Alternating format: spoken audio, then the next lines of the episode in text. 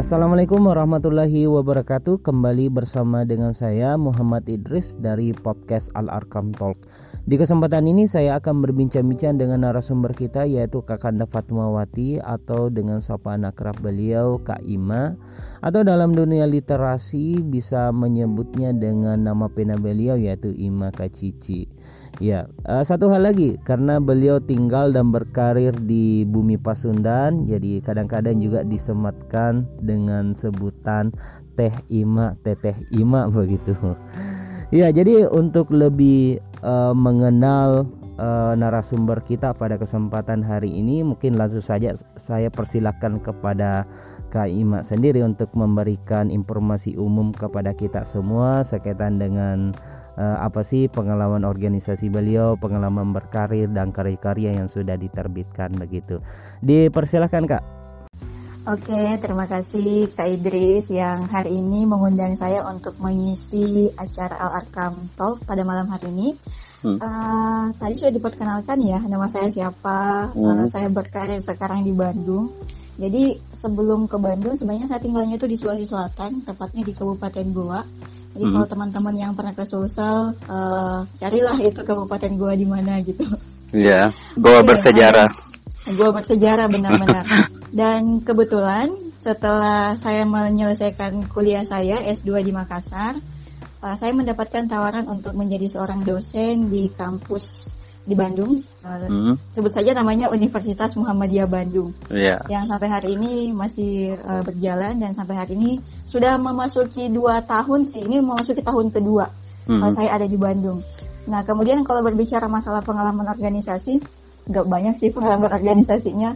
Hmm. Tapi kalau kita berbicara yang paling yang apa istilahnya yang paling besarnya sampai hari ini itu saya sampai hari ini berkarir di IMM Ikatan Mahasiswa Muhammadiyah hmm. uh, pernah uh, dulu di komisariat sebagai ketua umum pimpinan komisariat IMM FISIP tahun 2013-2014 gitu. Hmm. Kemudian di pimpinan cabang juga dua periode uh, di pimpinan cabang IMM Kota Makassar itu pernah menjabat sebagai ketua bidang seni budaya dan olahraga, pernah menjabat sebagai ketua bidang organisasi juga gitu.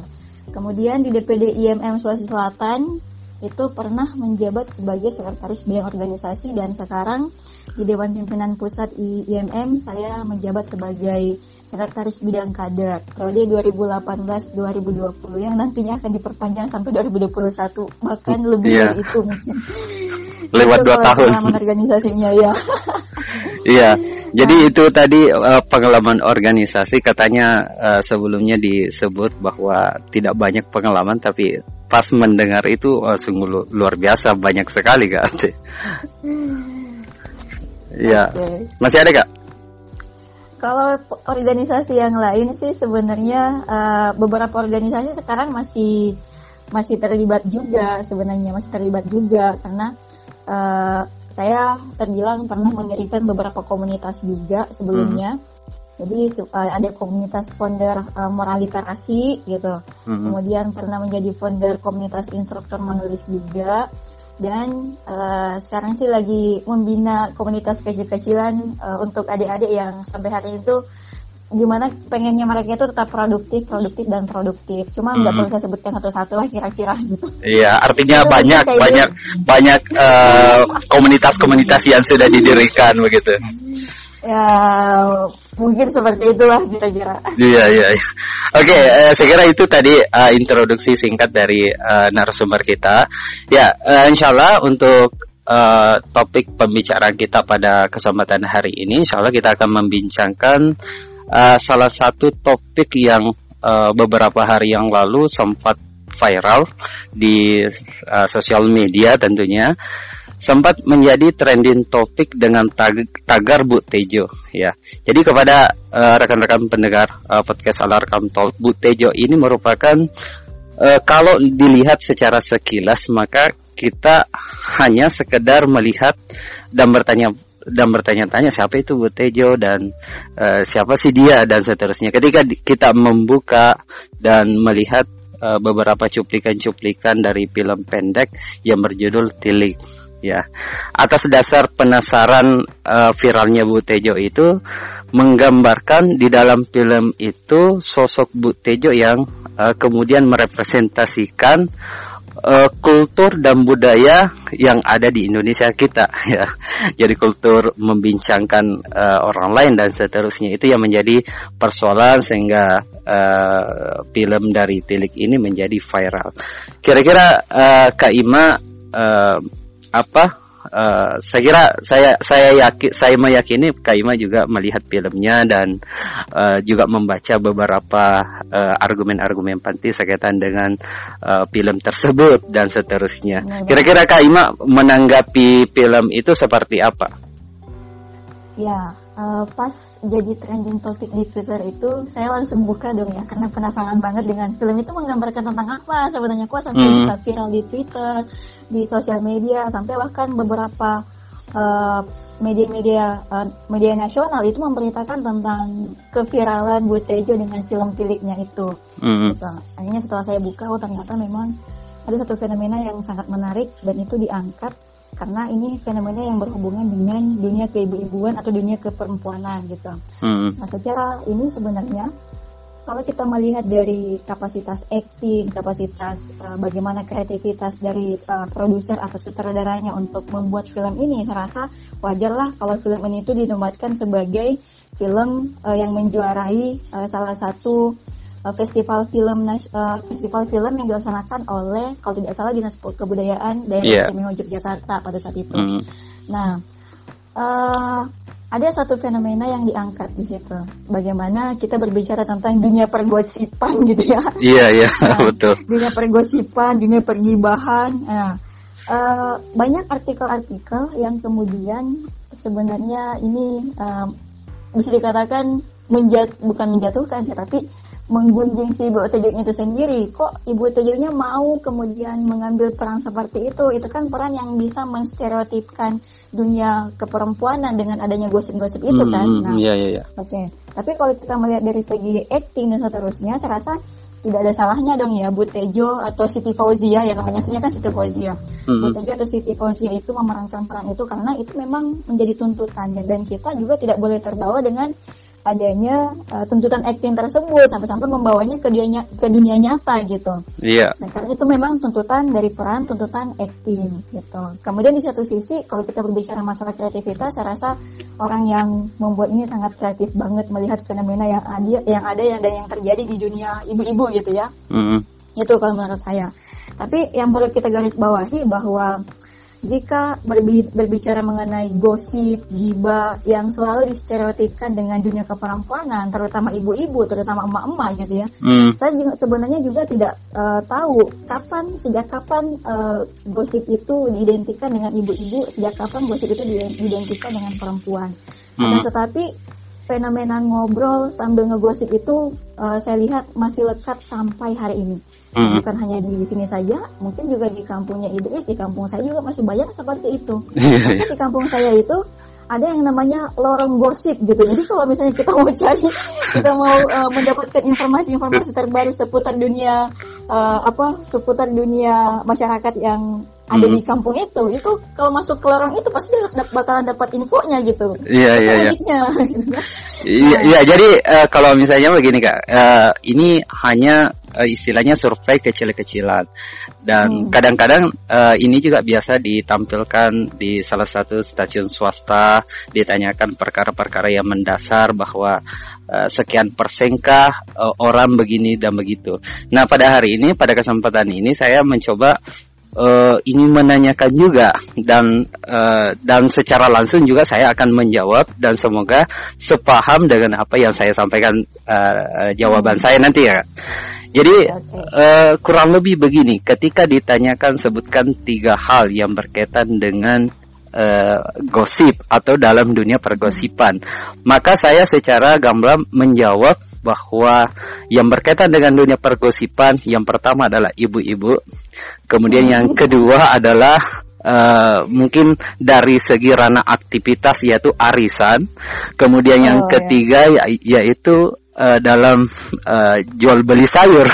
Ya karena di di layar di layar di layar kaca kita itu selalu ditampilkan atau mungkin di beberapa sinetron sinetron mungkin Kak Ima bisa cek. Di setiap skin uh, film atau mungkin sinetron itu pasti ada adegan dalam situasi penjual sayur datang kemudian uh, ibu-ibu bergerombol dan di situlah tercipta pergosipan. Kira-kira okay, sepakat enggak okay, kak okay. Uh, survei kecil-kecilan yang saya buat ini yang saya jawab sendiri hanya sekedar mengampirmasi dari uh, Kak Ima sendiri. Kira-kira uh, gimana uh, Kak Ima memandang hal itu? Kalau kita ngelihatnya dari kacamata televisi, saya sepakat aja. Mm-hmm. Tapi kalau kita mengembalikan ke pribadi atau perasaan kita masing-masing, saya rasa kita tidak bisa mengeneralkan semua ibu-ibu itu kayak begitu. Iya yeah, iya. Gitu. Ya, kalau saya sih gitu. Oh iya. kalau iya, soalnya bukan hanya ibu-ibu saja yang kemudian terlibat dengan dunia pergosipan ternyata mm-hmm. gitu laki-laki juga banyak kok yang kayak gitu ya kayak, makanya makanya uh, pada hari ini kita membahas topik dunia pergosipan jadi saya mm-hmm. agak secara hati-hati uh, apa mengangkat uh, apakah ini ibu-ibu, ap apakah ini laki-laki atau perempuan. Jadi saya betul, hanya betul. secara mengangkat secara umum, nanti kita sama-sama jawab, kita sama-sama diskusikan seperti apa sebenarnya kak, begitu. Oke oke oke. Nah, uh. Uh, kalau saya sih gini sebenarnya. Uh, meskipun kita sering kali menjumpai ibu-ibu menggosip ketika berbelanja sayur uh, di tukang sayur keliling gitu ya, atau mm -hmm. saat arisan ataupun berkumpul yang lainnya, Bahkan gosip sampai hari itu dikatakan telah menjadi gaya hidup warga Indonesia.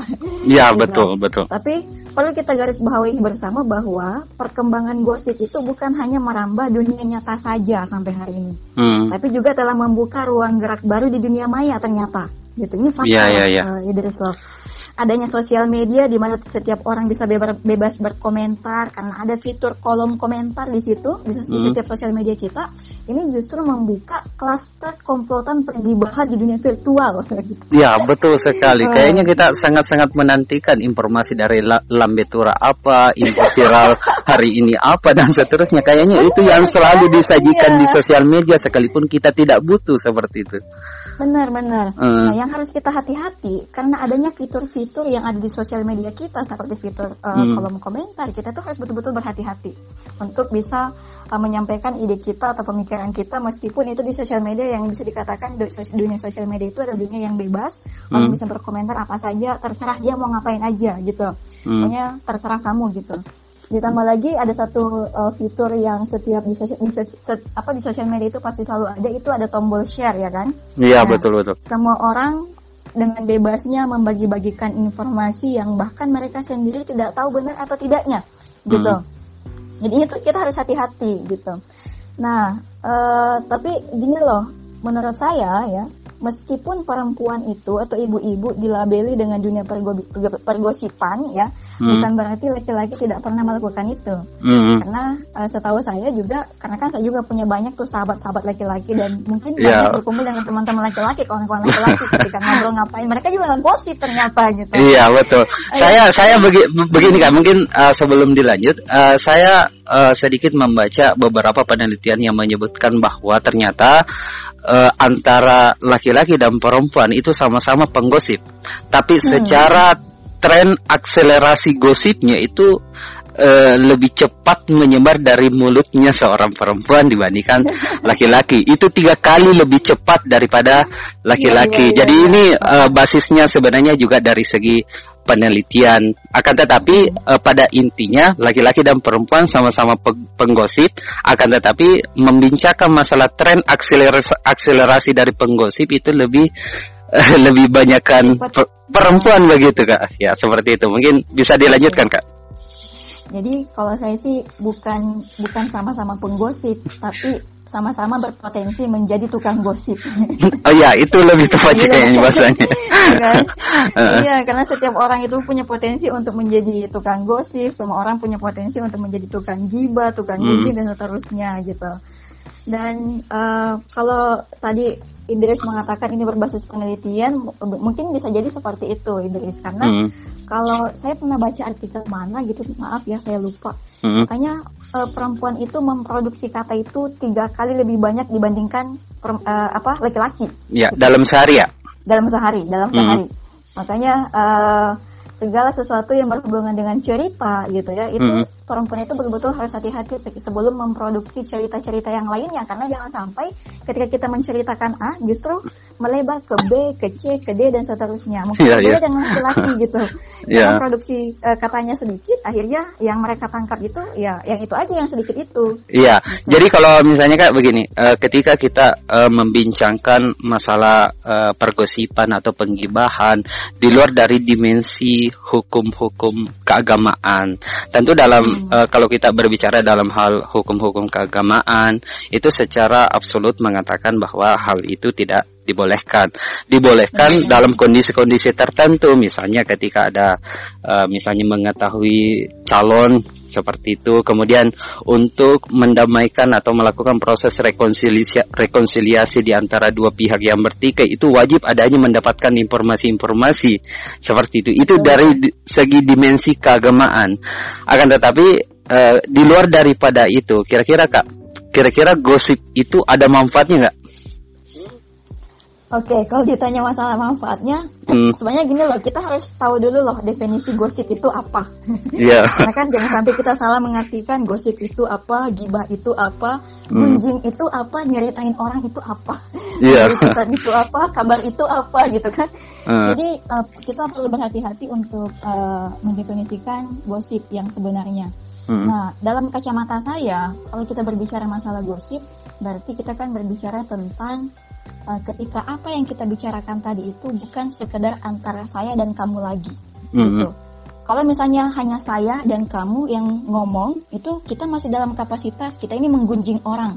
Iya, betul. Apalagi ketika yang digunjing itu adalah rumor tentang seseorang atau kejelekan seseorang. Hmm. Kalau lebih ke kejelekan berarti kita ngegibah orang gitu. Hmm. Nah, tapi kalau sudah masuk ke ranah gosip, itu bukan lagi sekedar antara saya dengan kamu lagi gitu. Hmm. Tapi rumor itu kita sebarkan dan semua orang ikut membicarakan gitu bahkan hmm. mereka kita berusaha untuk mengupayakan gimana caranya supaya orang-orang yang mendengarkan informasi kita itu hmm. cenderung percaya dengan keadaan yang ada meskipun tidak ada dan tanpa ada niat untuk mencari tahu kebenarannya sebenarnya seperti apa itulah gosip hmm. gitu.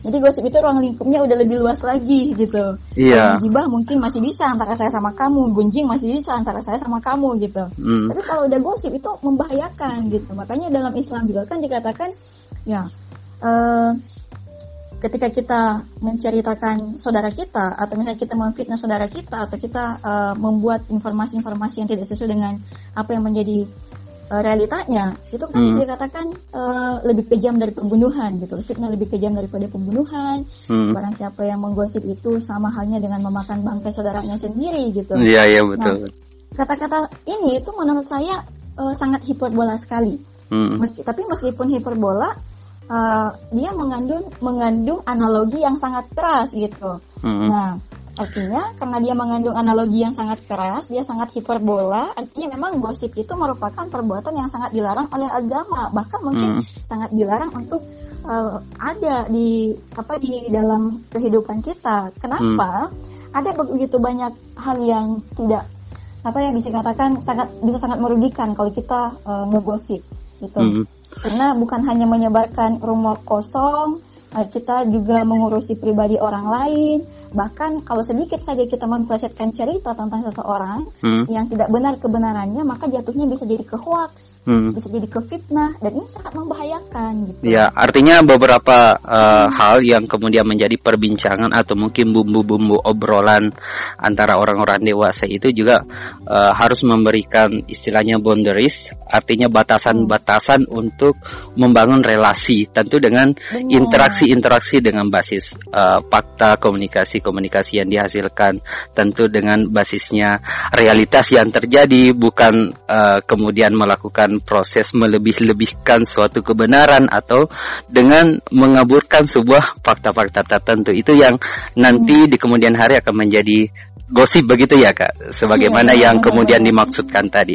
Kalau saya kak uh, ini uh, berdasarkan uh, penelitian yang dilakukan oleh Lauren Beggy, uh, salah seorang psikolog sosial yang mengatakan bahwa sekitar 60% percakapan antara orang dewasa itu membicarakan seseorang yang tidak berada di situ.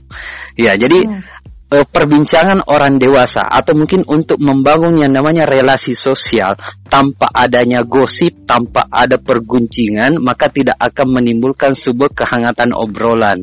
Ya, jadi jadi bisa dikatakan bahwa gosip itu dinilai positifnya ketika membangun relasi-relasi seperti itu tapi kita e, menginginkan adanya sebuah e, kesepakatan tadi dari segi definisi Kak Di jadi ya, ya. Uh, mungkin yang dimaksudkan di sini mungkin informasi-informasi atau mungkin hal-hal yang menjadi uh, referensi untuk dibincangkan di ruang-ruang diskusi seperti itu bukan gosip kayak begitu ya. ya Jadi ini merupakan penelitian yang, yang dilakukan oleh oleh Lauren Beck. Jadi rata-rata orang dewasa itu ketika bertemu berkumpul maka akan membincangkan orang lain seperti itu. Ya, ya. Ada tanggapan nggak kak untuk masalah ini? Gini loh, uh, saya sih mendefinis memetakannya ada dua. Hmm. Ada gibah yang direncanakan, ada hmm. gosip yang direncanakan, ada juga gosip yang tidak direncanakan. Oh, oh ya, gitu. kayak kayak mak uh, boleh ketemu dulu nggak? Saya mau cerita ini. kayak begitu kayaknya.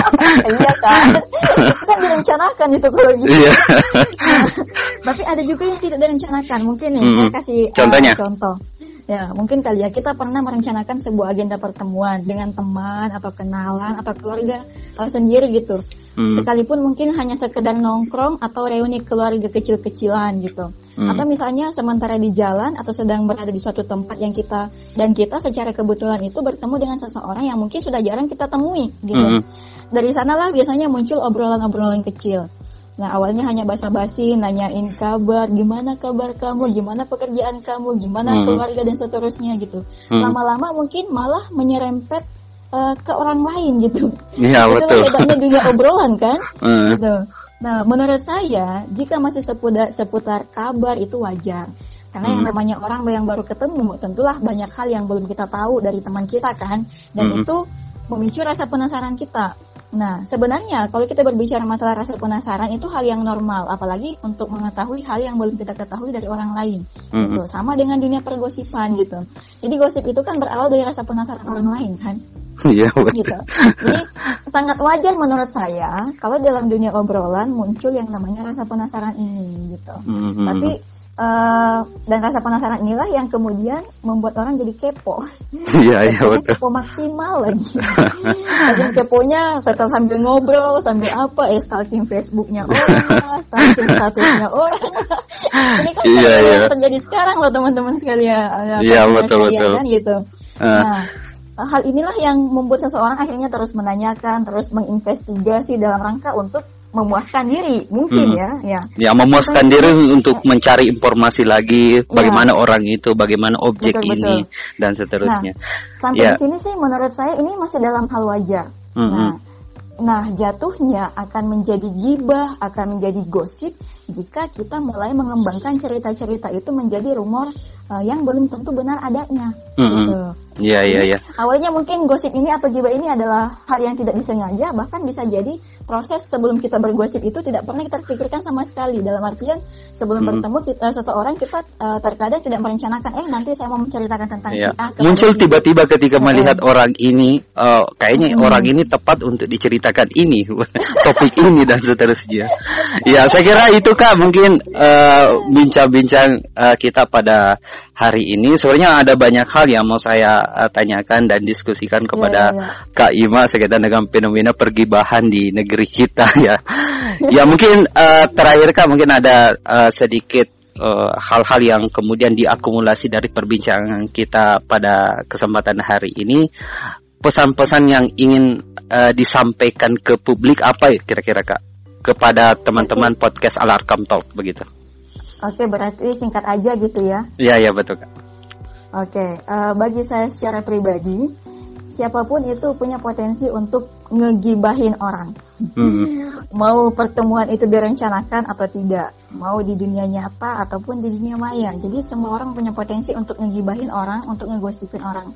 Hmm. Dan yang namanya obrolan pasti punya potensi untuk menjadi gosip gitu hmm. punya potensi untuk menjadi gibah punya potensi untuk menjadi hoax ataupun sekalipun itu sampai jadi fitnah gitu hmm. makanya kita itu harus hati-hati dalam berkata gitu karena setiap kata yang keluar dari mulut kita itu punya potensi untuk membunuh orang gitu hmm. baik secara fisik maupun secara karakter paling paling uh, minimnya gitu ya paling sedikitnya kata-kata itu bisa membuat seseorang terluka, ya, hmm. tapi lukanya tidak basah.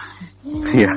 Ya, nggak nggak terlihat secara fisiknya, tapi bekasnya akan terus terasa gitu ya. Hmm. gitu. Jadi uh, menurut saya ya jadilah sebaik-baik manusia, yaitu manusia yang terus memberi manfaat untuk orang yang lainnya gitu. Hmm. Jangan ngegibah, jangan ngegosipin orang jangan menyebar hoax apalagi memfitnah orang. Kita hmm. itu harus sama-sama bercermin kepada diri kita masing-masing dan harus sama-sama mengintrospeksi diri gitu. Saya ngomong ini bukan berarti saya yang paling sempurna, bukan berarti saya yang uh, paling tidak pernah gosipin orang ya pernah iya, gosipin orang namanya manusia iya gitu. Iya betul. Tapi kita harus tetap introspeksi diri jangan sampai karena kita ngegosipin orang kita justru membunuh karakter dia karakter dia di hadapan hmm, orang lain. Betul gitu. betul. Hmm. Ya. Jangan sampai uh, semut di seberang lautan lebih jelas, uh, hmm. lebih jelas kelihatannya, tapi gajah di pelupuk mata tidak kelihatan gitu. Itu kata yeah. nama Irama. itu mungkin. Yeah. Saya terima kasih.